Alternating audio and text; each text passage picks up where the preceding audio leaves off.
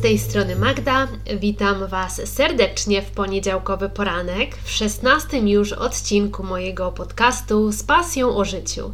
Mam nadzieję, że u Was wszystko w porządku, zdrowie i humory Wam dopisują. Jeżeli słuchacie mnie dziś po raz pierwszy, to przypomnę, że prowadzę podcast o tematyce podróżniczo-lifestyle'owej którym opowiadam o kulisach życia stewardess, a wiem o nim wszystko, bo sama byłam nią przez 6 lat. Poza tematyką lotniczą znajdziecie u mnie wątki podróżnicze, bo jest to moja największa pasja a te wszystkie niezwykłe miejsca, niesamowite historie i ciekawi ludzie, których spotkałam w odległych zakątkach świata, sprawiają, że mam naprawdę bardzo dużo do opowiadania. W dzisiejszym odcinku opowiem Wam, jakie wnioski na temat życia w Dubaju wysnułam po 6 latach, które tam spędziłam. Opowiem Wam, jak wygląda życie w złotej klatce i czy luksusowe, wygodne życie w takiej beztroskiej atmosferze może zapędzić nas w ślepy zaułek. Poruszę także temat biedy i dysproporcji, jakie panują w Dubaju, bo mam wrażenie, że o tym nie mówi nikt. I Dubaj przedstawiany jest jako ziemia obiecana, jako raj na ziemi. Owszem, nie zaprzeczam, ma mnóstwo zalet i za niektórymi rzeczami Czasami mi się tęskni, ale drugie oblicze Dubaju jest tematem rzadko poruszanym, dlatego jeżeli chcesz wiedzieć, co myślę o życiu w tym pustynnym mieście, to zapraszam serdecznie do wysłuchania dzisiejszego odcinka. Zaczynamy, a ja życzę Wam miłego słuchania. Na samym początku, zanim jeszcze w ogóle przejdę do jakichkolwiek konkretów, to chciałabym zaznaczyć, że wszystko to, co powiem Wam o życiu w Dubaju, jest tylko i wyłącznie moją własną opinią, ponieważ wiem, że są ludzie, którym Dubaj bardzo się podoba i nie wyobrażają sobie mieszkać gdzie indziej na świecie.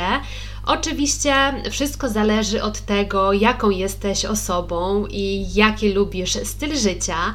Jeżeli kręcą cię imprezy, nocne życie i tak zwany lans i bans, to oczywiście będzie to miejsce idealne dla ciebie.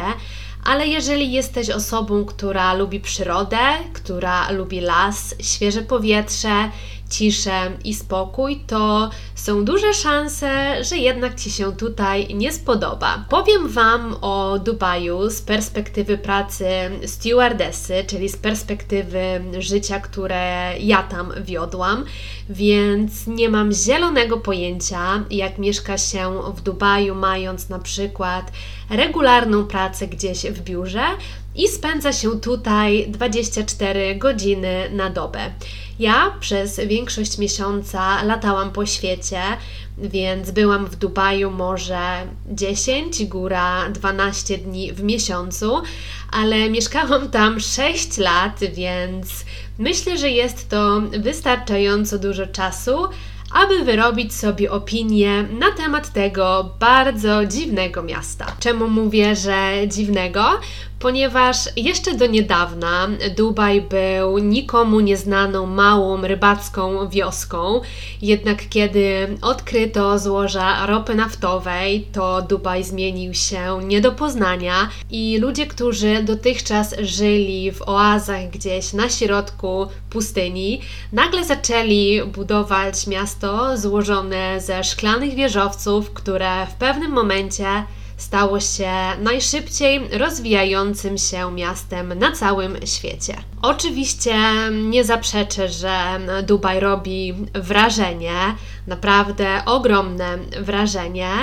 Jednak gdy przyjeżdża się tutaj jako turysta, siedzi w super hotelu z dostępem do plaży, gdzie wszystko podane jest na tacy, to oczywiście można zachłysnąć się tym bogactwem, można twierdzić, że Dubaj jest wspaniały. Natomiast jeżeli się tam mieszka, jeżeli na co dzień styka się z różnymi problemami, to niestety Dubaj już taki kolorowy się nie wydaje. Jeżeli słuchaliście 12 odcinka, w którym opowiadałam o moich początkach w Dubaju, to pewnie pamiętacie, jak mówiłam, że przez pierwsze 2-3 lata czułam się, jakbym wygrała los na loterii, czy też przepustkę do idealnego życia. Byłam oszołomiona wszechobecnym bogactwem, beztroskim stylem życia, wakacyjną atmosferą oraz bezproblemowym i tak naprawdę bezstresowym stylem życia. I szczerze Wam powiem, że nigdy w życiu nie sądziłam, że takie życie może się kiedyś znudzić, bo przecież tak naprawdę większość z nas marzy o bezproblemowym życiu i o, o wolności finansowej. Jednak na dłuższą metę taki tryb życia wzmaga poczucie takiej beznadziei i w pewnym momencie macie wrażenie, że życie przestaje mieć jakiś głębszy sens i zaczynacie się męczyć w tej bańce mydlanej, w tej dubajskiej złotej klatce. Zacznijmy może od zalet mieszkania w Dubaju, czyli tak bardziej optymistycznie. Moim zdaniem trzy główne zalety mieszkania w tym mieście to bezpieczeństwo, czystość oraz wygoda. Nigdy nie musiałam się martwić, że ktoś ukradnie mi portfel czy torebkę, gdy na przykład zostawię je na widoku albo gdzieś na ręczniku, gdy na przykład byłam na plaży. Ponadto wszędzie panował perfekcyjny porządek, zwłaszcza w toaletach których pachniało jak w najdroższej perfumerii. Pamiętam, że w budynku, w którym mieszkałam, ale też pewnie było tak we wszystkich budynkach w Dubaju, codziennie rano o tej samej porze przychodziła ekipa, która sprzątała cały budynek, myła wszystkie podłogi, wycierała dosłownie wszystko, łącznie z guzikami w windzie, a także codziennie o poranku czyściła basen. Niestety problemem były okna, które myto mniej więcej raz na rok, a samemu niestety nie można było tego zrobić, bo przynajmniej u mnie w mieszkaniu nie można było otworzyć okien na oścież, więc bywało tak, że przez zapiaszczone okna nie było widać absolutnie nic. Jeżeli natomiast chodzi o wygodę życia w Dubaju, to była chyba na najwyższym możliwym poziomie. Na każdym kroku dbano, abyś przypadkiem się nie zmęczył. I jeżeli dysponowałeś odpowiednią ilością gotówki, to mogłeś żyć jak król, zatrudniać nianie, pokojówki, sprzątaczki i innych ludzi, którzy zrobią za ciebie absolutnie wszystko, czego po prostu nie chce ci się robić. Jeżeli nie masz czasu na manicure, pedicure lub też bolą cię plecy i potrzebujesz masażu, wystarczy tylko jeden telefon i zawsze znajdzie się ktoś, kto ze wszystkiego cię wyręczy. Podobnie było także z zakupami, ponieważ większość sklepów spożywczych funkcjonowała całą dobę, więc zakupy w środku nocy oczywiście z dostawą do domu, nikogo nie dziwiły i taki system do granic możliwości dokarmiał naszego wewnętrznego lenia i wszechobecny konsumpcjonizm. Łącznie z tym, że na przykład pani w łazience poda ci ręcznik do wytarcia rąk, ktoś na przykład zaparkuje twój samochód, żebyś sam nie musiał szukać miejsca, a potem, uwaga, jeszcze wrzuci za ciebie żeton do parkometru. Także nie trzeba było martwić się absolutnie o nic, jedynie chyba o to, jak zarobić pieniądze i gdzie je wydać. Wielokrotnie wspominałam o tym, że w Dubaju czas wolny upływał głównie na bywaniu w restauracjach i kawiarniach, które znajdowały się na każdym kroku, jedna koło drugiej i czasami odnosiłam takie wrażenie, że codziennie powstają nowe. Wielką zaletą było to, że restauracje oferowały wszystkie kuchnie świata, a serwis był naprawdę nienaganny, za czym naprawdę zdarza mi się tęsknić, bo w Dubaju klient stał zawsze na pierwszym miejscu.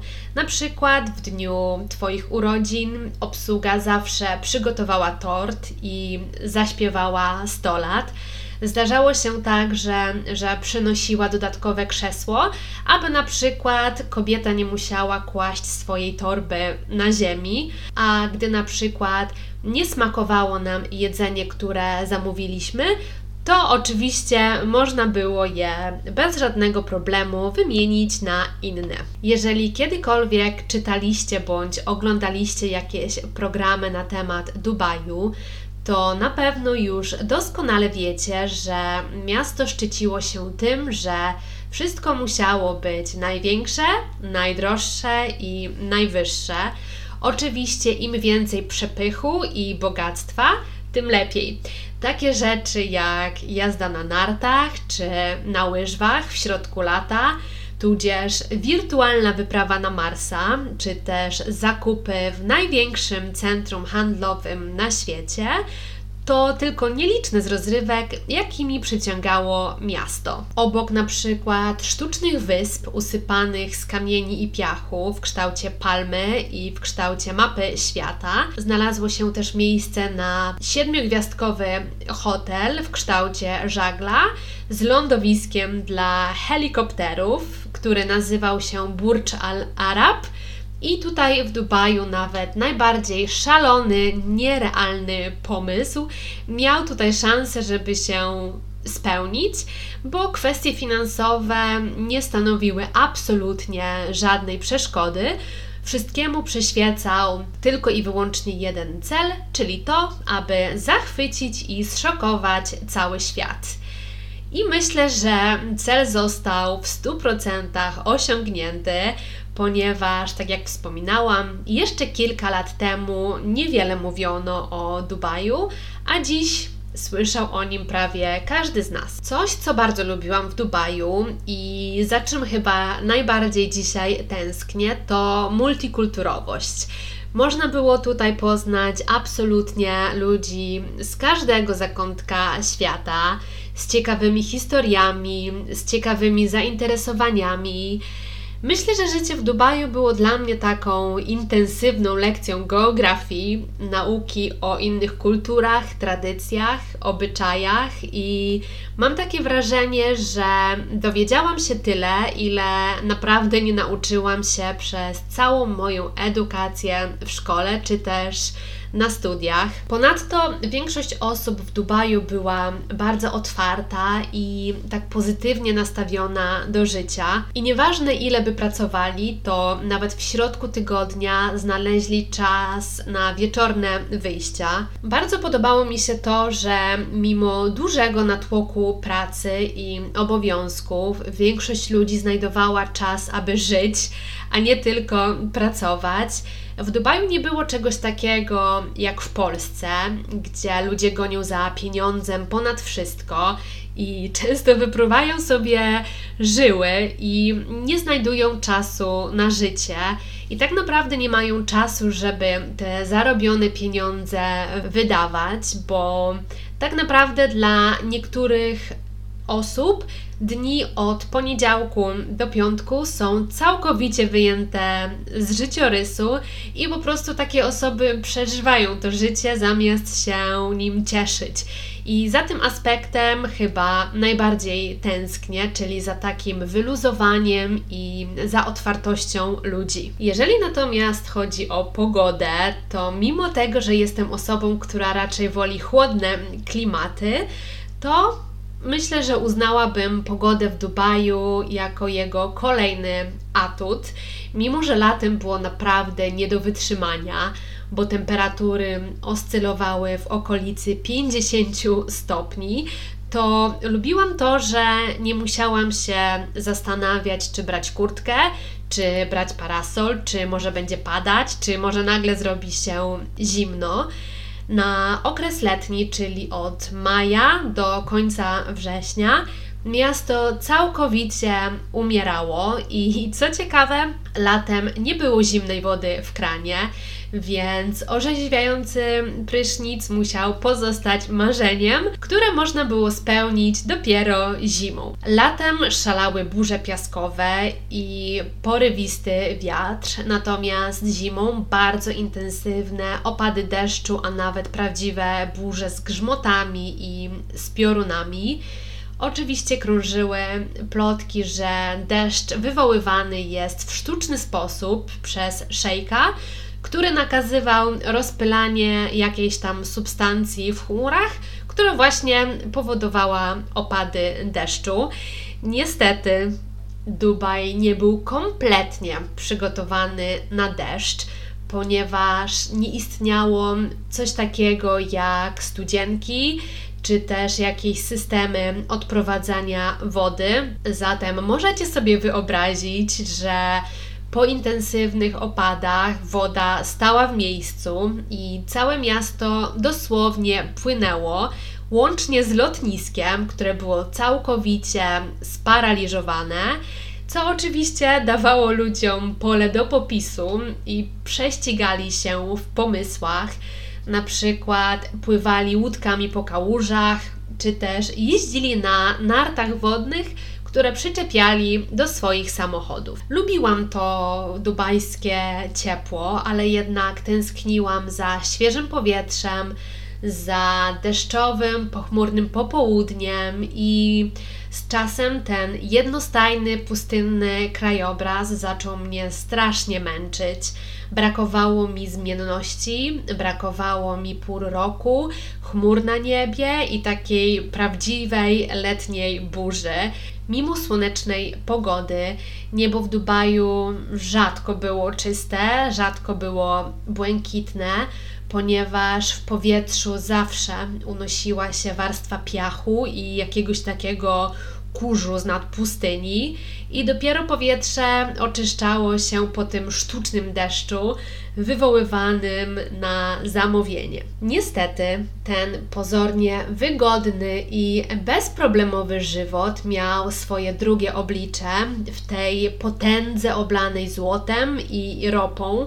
Naprawdę próżno szukać jakiejkolwiek autentyczności wszechobecny beton, wieżowce, szkło, metal jedynie tylko wzmagały poczucie takiego życia w bańce mydlanej i to, co początkowo uważałam za plusy, stopniowo zaczęło jakoś tak uwierać i coraz bardziej mi przeszkadzać.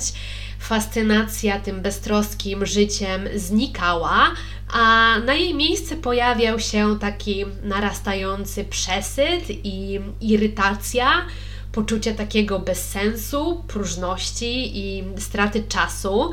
I wiecie co? Ja wcale nie chciałam brać udziału w jakiejś wirtualnej wyprawie na Marsa, którą oczywiście można było odbyć w Dubaju. Nie chciałam jeździć na nartach czy też na łyżwach w środku zimy.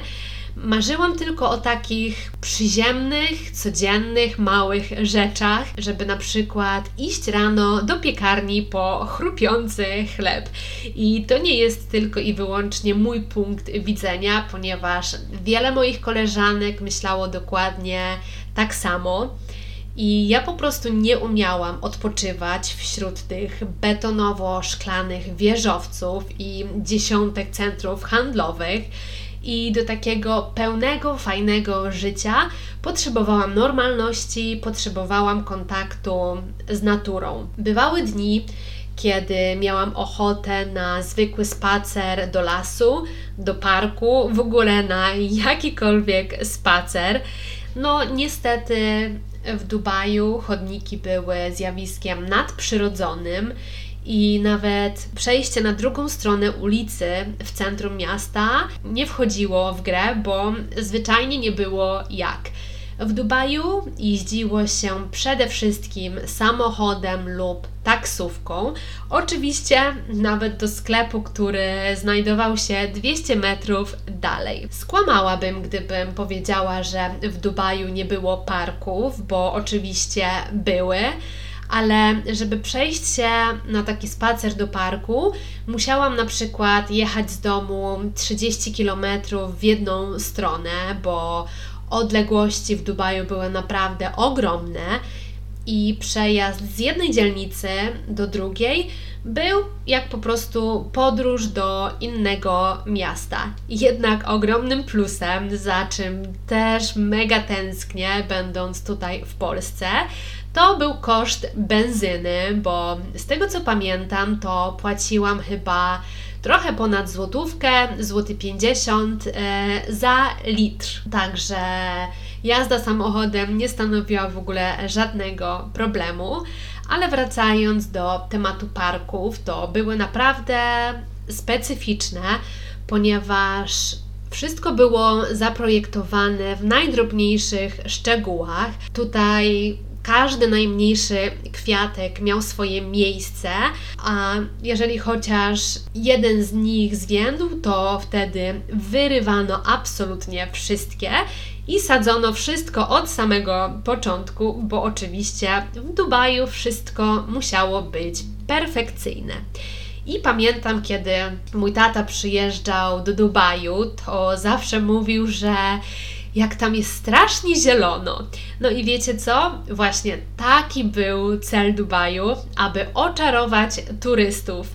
Bo sami przyznajcie, kto nie zachwyciłby się taką zieloną, soczystą, równo przestrzyżoną trawą oraz, nie wiem, rzędami kolorowych kwiatów rosnących po środku pustynnego miasta. No, wydaje mi się, że chyba każdy by się zachwycił ale wszystko było sztuczne. Tutaj nawet palmy nie wyrastały same z ziemi, ponieważ gotowe drzewa przywożono samochodem, naprawdę sama nie wiem skąd, i sadzono je tam, gdzie akurat na przykład powstawał nowy park, czy też nowe osiedle mieszkaniowe. Z roku na rok zaczęłam odnosić takie wrażenie, że Dubaj jest po prostu nudny.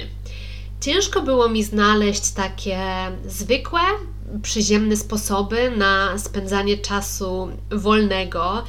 Nie wiem jak Was, ale mnie naprawdę nie interesowała jakaś popołudniowa herbatka w siedmiogwiazdkowym hotelu za 700 zł, czy też impreza na jachcie, czy też pływanie z delfinami ja miałam ochotę iść po prostu do zwykłego kina, gdzie połowa filmu nie będzie wycięta z powodu cenzury i uwierzcie mi, naprawdę nie potrzebowałam rozkładanych foteli z masażem, ani żeby ktokolwiek podczas seansu na zawołanie przynosił mi jedzenie.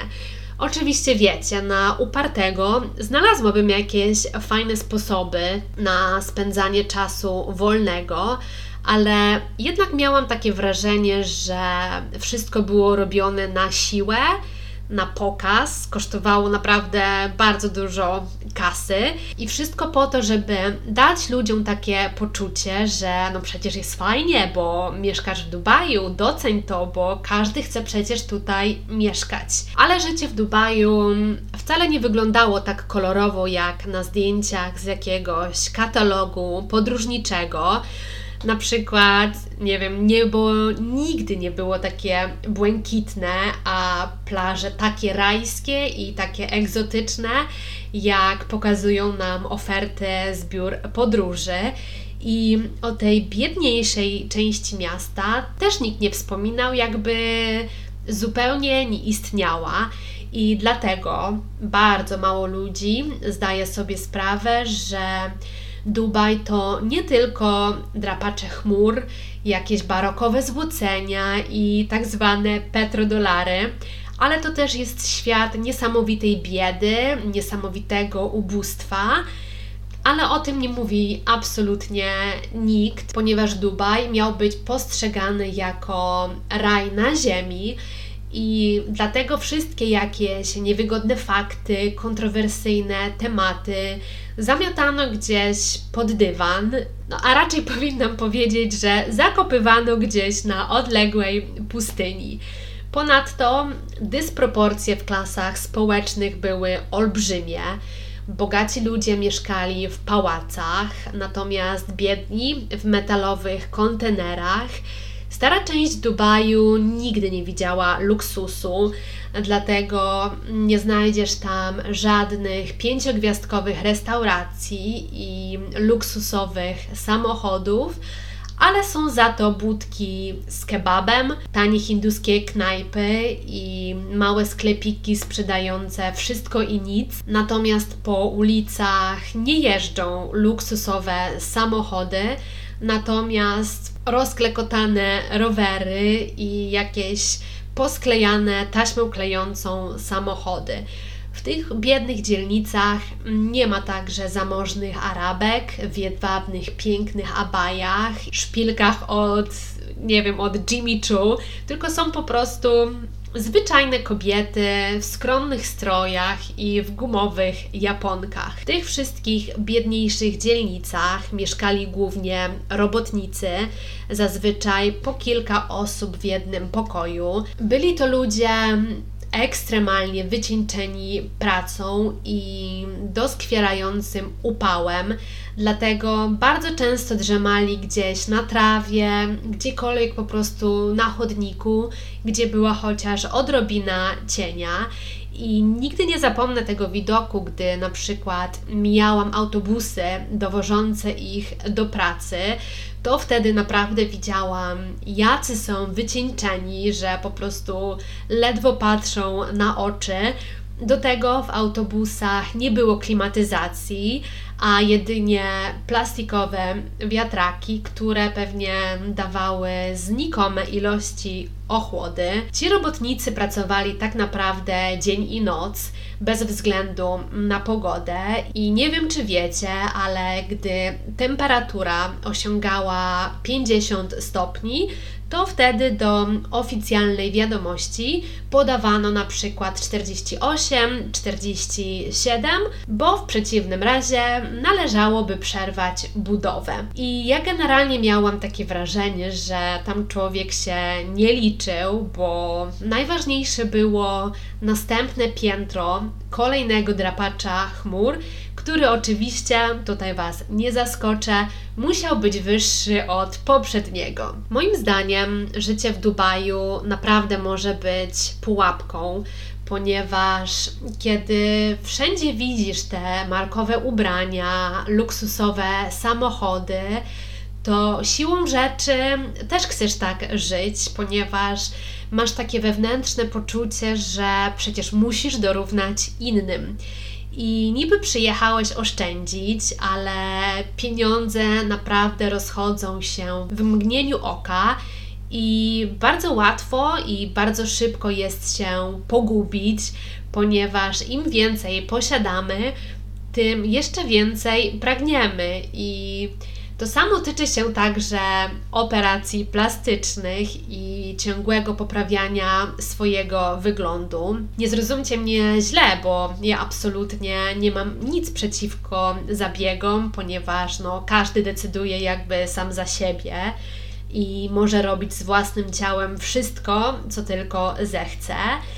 Ale problem w Dubaju polegał na tym, że Poprawianie wyglądu przejmowało czasem władzę nad życiem niektórych dziewczyn, które nie chciały odstawać od reszty, chciały się upodobnić do tych wszystkich pięknych kobiet i dlatego większość swojego czasu spędzały właśnie w tych gabinetach medycyny estetycznej. Także podsumowując, tak naprawdę to od ciebie od Twojej osobowości, od Twoich potrzeb oraz od tego, w jakim stopniu jesteś podatny na wpływy, zależy to, czy odnajdziesz się w Dubaju. I jeszcze jedna rzecz, taka trochę śmieszna, o której muszę Wam koniecznie wspomnieć, to dubajscy fachowcy, czy to od remontów, czy to od klimatyzacji, czy to od internetu, oni po prostu nie mieli o niczym zielonego pojęcia.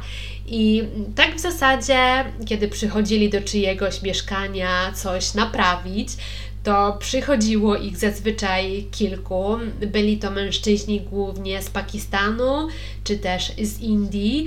Oglądali dokładnie, co i gdzie trzeba naprawić. Oglądali to z każdej możliwej strony. I oczywiście diagnoza zawsze brzmiała tak samo, czyli no problem, co oznaczało, że oczywiście oni wiedzą, jak to naprawić, a rzeczywistość była taka, że albo wcale nie naprawili, albo jeszcze bardziej zepsuli. I do tego jeszcze dochodził problem z komunikacją, bo okej, okay, ich angielski był naprawdę komunikatywny, ale nie byli w stanie odpowiedzieć konkretnie na żadne zadane im pytanie, tylko cały czas jak nakręceni, jak Katarynka, odpowiadali no problem, no problem, także no nigdy nie było wiadomo, nigdy nie można było być na 100% pewnym, czy oni rozumieją, co tak naprawdę się do nich mówi. Przyznam szczerze, że niekiedy było to bardzo frustrujące, ale mimo wszystko starałam się ich zrozumieć, bo Praca w Dubaju była dla nich jak wygrana złotego biletu na loterii. Zresztą no nie tylko dla nich, bo czy to robotnicy, czy też taksówkarze, czy nawet stewardessy zostawili w kraju rodzinnym dzieci, zostawili swoich bliskich, całe rodziny. I taki wyjazd do Dubaju dawał im szansę na to, by co miesiąc wysyłać rodzinie pieniądze i zapewnić im w miarę godne życie. Bywało tak, że niektórzy nawet z pieniędzy zarobionych w Dubaju utrzymywali całe wioski w swoim rodzinnym kraju. Jeżeli chodzi o ludzi mieszkających w Dubaju, to podzieliłabym ich na dwie grupy. Pierwsza są to ludzie, którzy przyjechali do wspaniałej, dobrze płatnej pracy na jakiś kontrakt, aby zdobyć doświadczenie Ci ludzie otrzymali darmowy apartament od pracodawcy i mogli wieść naprawdę wygodne, fajne życie. Zaś druga grupa to ludzie, których do wyjazdu do Dubaju zmusiła bardzo ciężka, wręcz dramatyczna czasami sytuacja w kraju rodzinnym i dla nich Dubaj był jedyną opcją na w miarę godne życie, dlatego nikt nigdy z tej biedniejszej części nie narzekał, nie marudził, ponieważ dla nich, tak jak mówię, było to po prostu coś, coś takiego wow. Mogli poczuć się wreszcie lepiej, może trochę bardziej dowartościowani, i tak jak wspomniałam, była to dla nich jedyna szansa, aby swojej rodzinie zapewnić w miarę jakieś godne życie. I już na zakończenie opowiem Wam jako taką ciekawostkę, że nieważne ile lat spędziło się w Dubaju, to szansa na dostanie emirackiego obywatelstwa nie istniała i jedynie 15% całego społeczeństwa posiadało lokalne obywatelstwo. Chociaż jak szukałam na ten temat informacji, to przeczytałam, że Sheikh próbuje w tym roku, chyba, chyba w tym roku, wprowadzić jakieś zmiany i przyznawać emirackie obywatelstwo osobom, które w jakimś stopniu przyczyniły się do rozwoju kraju. Ale póki co są to informacje niepotwierdzone i na razie nikt nie wie, na jakich warunkach miałoby się to odbywać. I tą oto ciekawostką zakończę dzisiejszy odcinek. Dajcie koniecznie znać, czy przeprowadzilibyście się do Dubaju, jeżeli na przykład dostalibyście jakąś fajną ofertę pracy. I także jestem ciekawa, co do tej pory myśleliście o tym mieście i czy na przykład Wasze wyobrażenia zgadzają się z moimi a może macie zupełnie inne wnioski, dawajcie koniecznie znać. Na zakończenie przypomnę jeszcze, że nowy odcinek podcastu ukazuje się w każdy poniedziałek o godzinie 8 rano. Możecie mnie posłuchać na Spotify, na iTunes oraz na YouTube, bądź też na mojej stronie internetowej www.spasjonożyciu.pl. Zapraszam Was też serdecznie na mój Instagram z pasją o życiu podkreślnik podcast. Zachęcam Was także do komentowania i dzielenia się swoimi opiniami, które są dla mnie niezwykle ważne oraz motywujące. To wszystko w dzisiejszym odcinku.